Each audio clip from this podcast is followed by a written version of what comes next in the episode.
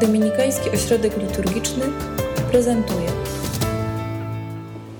Dzisiaj pierwsze określenie, jakie litania przywiązuje do imienia Jezus. Określenie wydawałoby się tak nam znane, z którym jesteśmy tak bardzo y, familiarni, że czasami staje się oczywiste, a bardzo oczywiste nie jest, wręcz, wręcz przeciwnie.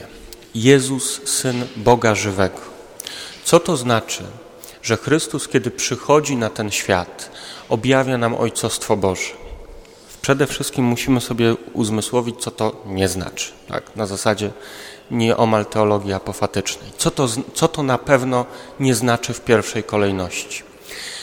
Przede wszystkim my mamy taką, taki odruch, taką tendencję, że kiedy myślimy o Ojcostwie Bożym, to zwykle odnosimy to Ojcostwo do siebie. Nie jest to błąd. Oczywiście Pan Bóg jest naszym Ojcem, ale Jego Ojcostwo w pierwszej kolejności jest ojcostwem w stosunku do Syna. Nie jest Ojcem w pierwszym znaczeniu do swojego stworzenia, ale w pierwszym znaczeniu jest Ojcem w stosunku do tego, który jest zrodzony, a nie stworzony. Współistotny Ojcu, przez którego wszystko się stało, o którym Credo mówi, że jest Bogiem z Boga, światłem ze światłości, Bogiem prawdziwym z Boga prawdziwego. Można by powiedzieć bardzo mocno i bardzo radykalnie, ale prawdziwie, że najpierw Pan Bóg był Ojcem, zanim był Stwórcą.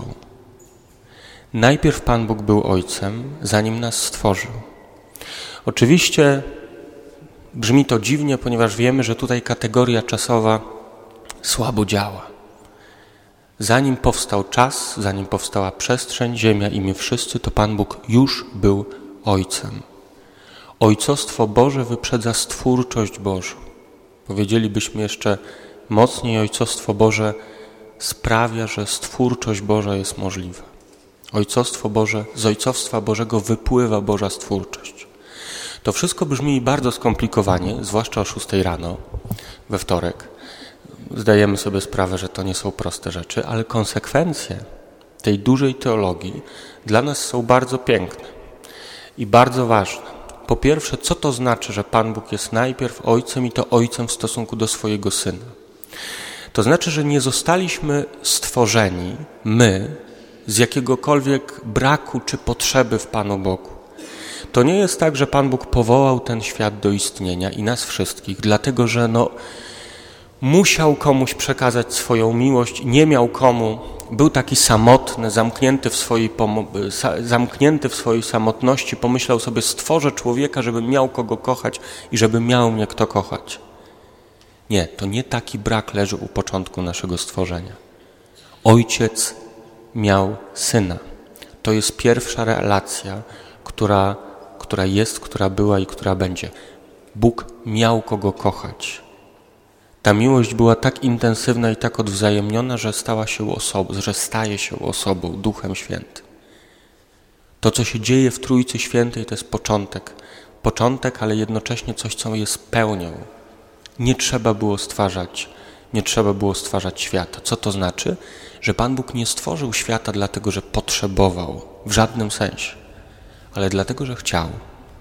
Jesteśmy kompletnie zbędni. I to jest naprawdę dobra nowina. Jesteśmy zupełnie Panu Bogu niepotrzebni. I to jest naprawdę bardzo dobra nowina. I to jest naprawdę Ewangelia. To, że Pan Bóg był Ojcem spełniony w swojej miłości, było powodem stworzenia świata, a nie to, że Panu Bogu czegoś brakowało. To, że Pan Bóg był Ojcem spełnionym w dawaniu i w braniu miłości, było powodem stworzenia nas, a nie to, że Pan Bóg był samotny. Pan Bóg stworzył nas w pełni wolności i z nadmiaru, z nadmiaru miłości, która w nim jest, a nie z jakiegokolwiek braku. Kiedy myślimy o Jezusie, który objawia nam to, że Pan Bóg jest Ojcem, to przede wszystkim pomyślmy o tym, że objawia nam prawdę o naszym wybraniu zupełnym, takim wybraniu, które nie wynikało z jakiejkolwiek, z jakiegokolwiek Bożego braku. Zostaliśmy stworzeni z nadmiaru miłości, a nie po to, żeby jakikolwiek brak w Bogu leczyć. To jest wielka tajemnica, którą przynosi Jezus na tę ziemię. To, że On jest Synem Bożym, to oznacza, że Bóg, zanim stał się Stwórcą, był szczęśliwym Ojcem.